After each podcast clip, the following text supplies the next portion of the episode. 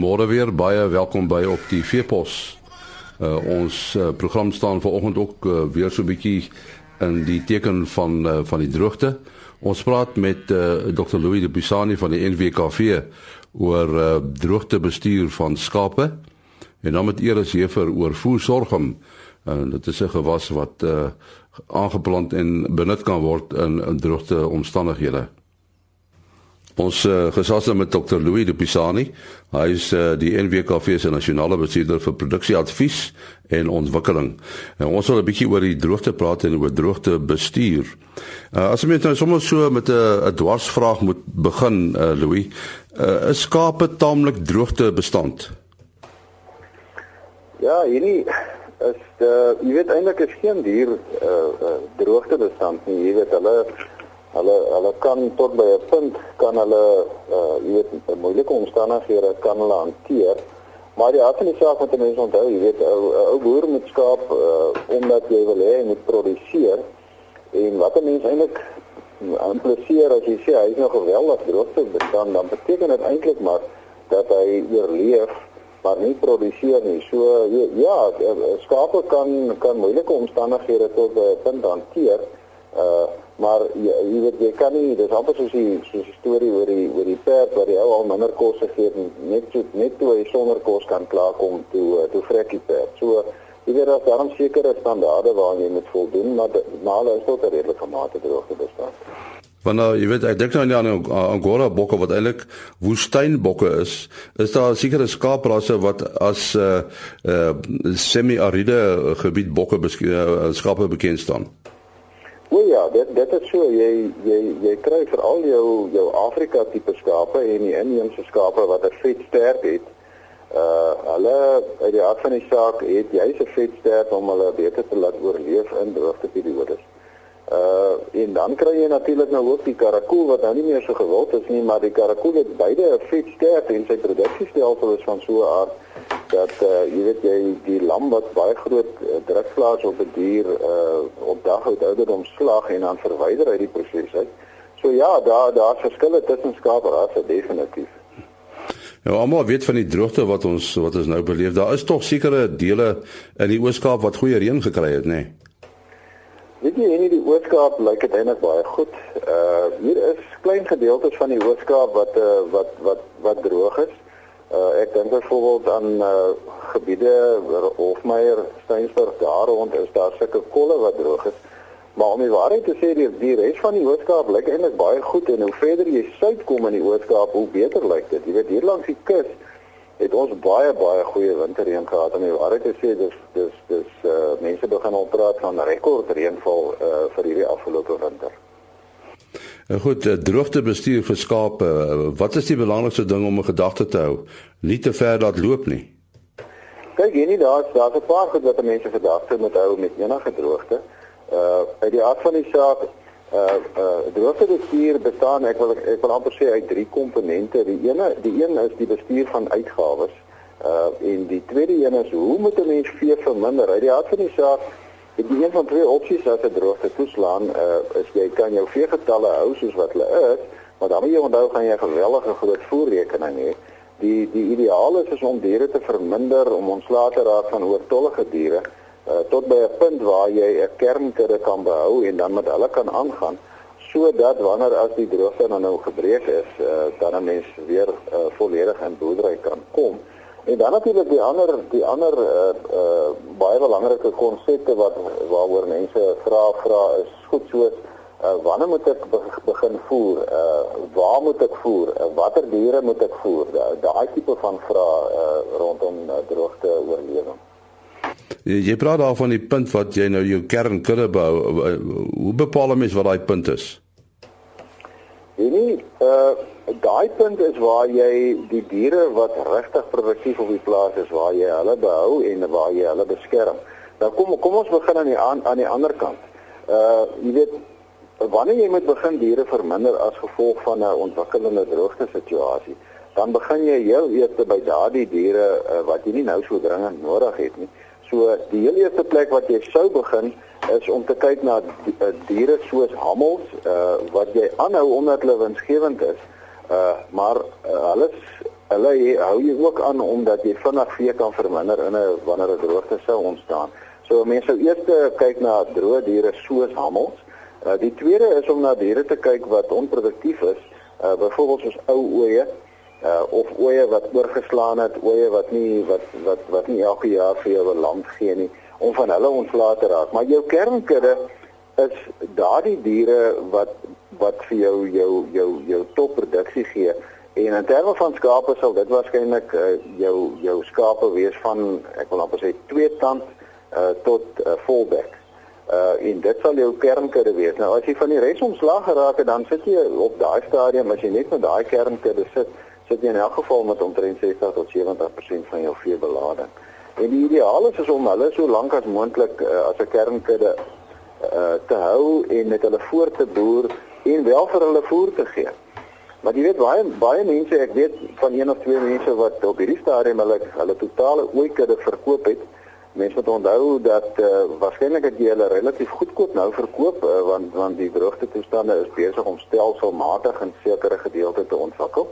En die dag as dit gereën het, dan soek almal aanteeldiere en dan gaan dan mense hulle weer met inkoop ten duurste. So dis dis altyd beter om om jou kernkudde te hou. Nou die heel kernkudde wat 'n mens moet behou is jou mees produktiewe ooe op die plaas. En dit gewoonlik jou 4, 6 stand uh, uh ouderdom ooe. Hulle is uiters produktief. Uh hulle kan moeilike omstandighede beter hanteer. Dis dis die moeite werd om hulle voer te gee want hulle sal sal op 'n winsgewende basis vir jou die die die die voer se se se kostes kan verhaal. Uh volgens julle, wat sê die weerprofete uh wanneer kan jy die ouens reën? Weet jy, nie, ek is mos nou nie 'n weer profeet nie, so ek wil my nie eintlik daaroor uitlaat nie. Uh die die rede waarom ons op hierdie stadium boere bietjie bewus maak uh rondom rondom die ontwikkelende droogte toestande, is sodat mense nie met die broek op die skoene gevang word nie. Ek wil ook nie hê dit moet droog wees nie, en so wil geen boer ook hê dit moet droog wees nie, maar die maar die voorspelling is dat hierdie 'n besondere uh uh uh 'n goed ontwikkelde El Niño is Wat moet sy die hart van die saak beteken dat suidelike Afrika sal uh, ondergemiddelde somerreën ervaar.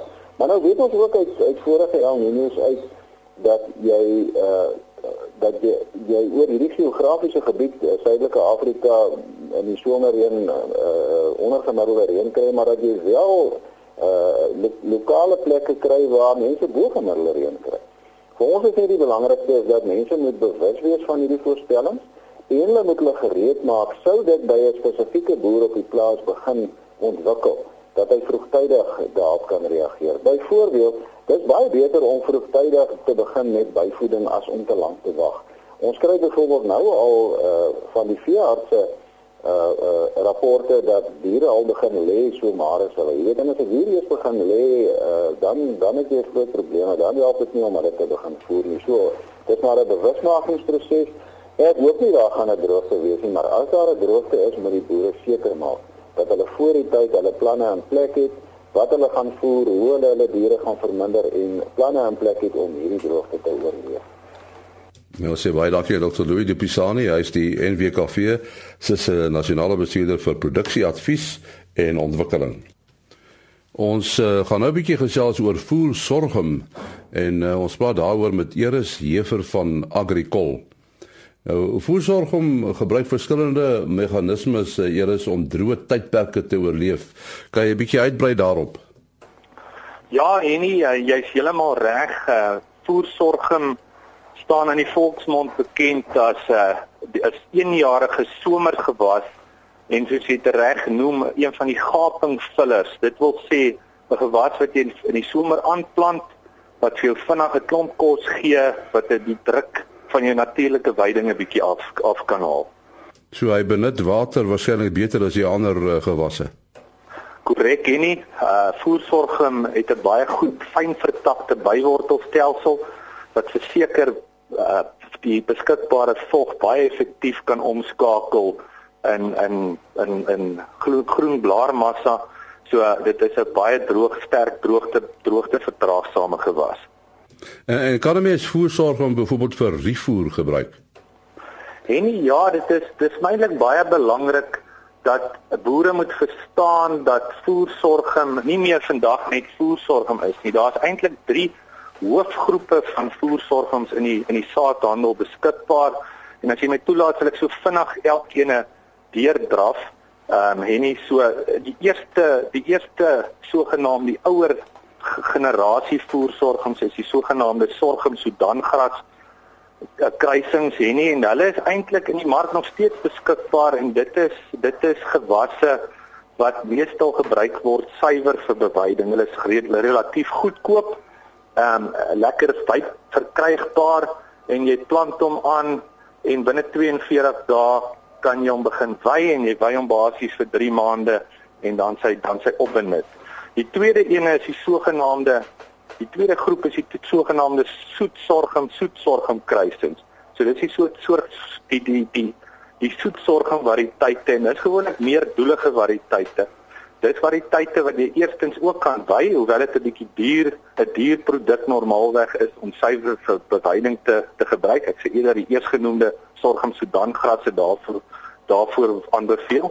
Maar 'n soetsorghum gewoonlik gebruik die boere benut hom vroeg in die seisoen vir 'n bietjie weiding en dan los hulle hom laat hulle laat hy uitgroei en dan tuil hulle hom hier einde Februarie begin Maart of hulle sal hom los op die lande verstaande hoe wat hulle dan hier in Mei maand uh dan so kan gebruik. En die derde groep is eintlik tegnies gesproke en nie nuusvoersorgings nie. Maar dit is van die Babala familie of die Pinnacetum tipes en hoekom s'hulle boer dit aanplant? Gewoonlik plant hulle hierdie Babala tipes as hulle baie bang is vir blousuurvergiftiging Ehm uh, hoewel vandag se sorghum Sudan gras en soetsorghum soetsorghum kruisings geneig is, geneigtheid op blousuurvergiftiging baie laag is, is daar nog steeds in in baie ehm um, of in toestande waar wat wat wat erge droogtes of groot stikstofbemesting waar die plant onder stres kom waar daar wat uh, blousuur voor kan kom by sorghum tipes. So daarvoor sal ons aanbeveel dat die boer eerder gaan vir pinnesetum tipes tipies soos ouens wat in dorpe skape boere wat aggressiewe weiers is van van die groenvoer ehm um, van daar skakel jy dadelik die gevaar uit vir blousuurvergiftiging. So daar's ook baster pinnesetings in die mark beskikbaar. Die ou babala tipes was maar baie baie min blare en uh, groot klomp van hulle gewig lê in die stam. Die nuwer generasie of die baster babala tipes is amper omgekeer. Dun stammetjie, baie blaarryk, so baie goeie produkte. Maar weer eens, slegs aan te beveel vir ouens wat baie bang is vir blousuurvergiftiging of wat nie uh enigstens voor voorsorg wil tref soos hypo in die water of as verskeie produkte blomswaal in die lek. Uh sal sal 'n mens tipiese aanbeveling maak met 'n babala of 'n baster babala. En hulle is ook selfs uh natuurlik kan perde nie voorsorge benut nie. Dit is giftig vir perde, maar die babalas of die baster babalas kan 'n mens wel aanbeveel ook vir perde weide beteken nie. Uh, Eers op watter hoogte kan kan voersorg om die eerste keer bewy word? Dit is 'n baie belangrike vraag en nie want die geneigtheid ook is dat boere maar altyd haastig is of of veral hier vroeg in die in die somer as dit 'n taai winter was om uh, vroeg in te kom met, met bewyding maar dis aan te beveel dat sorgings ten minste maar 'n meter hoogte moet bereik verkieslik hier na 1.2 en na 1.5 meter hoogte voordat die eerste keer benut word. Dit gaan natuurlik afhang van die plantdatum. Dit is ook baie belangrik om uh, nie te vroeg te plant nie want sorgums is maar gevoelig vir koue nagte. So na 15 Oktober as jy praat in die somerreënval streek, plant hom dan eers aan en uh, gewoonlik is dit benutbaar of as hy hierdie hoogte van 1.2 enigiets van 34 dae tot 42 dae afhangende van die vogbeskikbaarheid natuurlik. Ja, dis jou telefoonnommer 082 657 My telefoonnommer is 083 461 6675. Ons hartlike dank aan Eris Hefer van Agricol. Net weer daai nommer 083 461 6675. Tot uh, maandagooggend om 4:45 alles van die beste.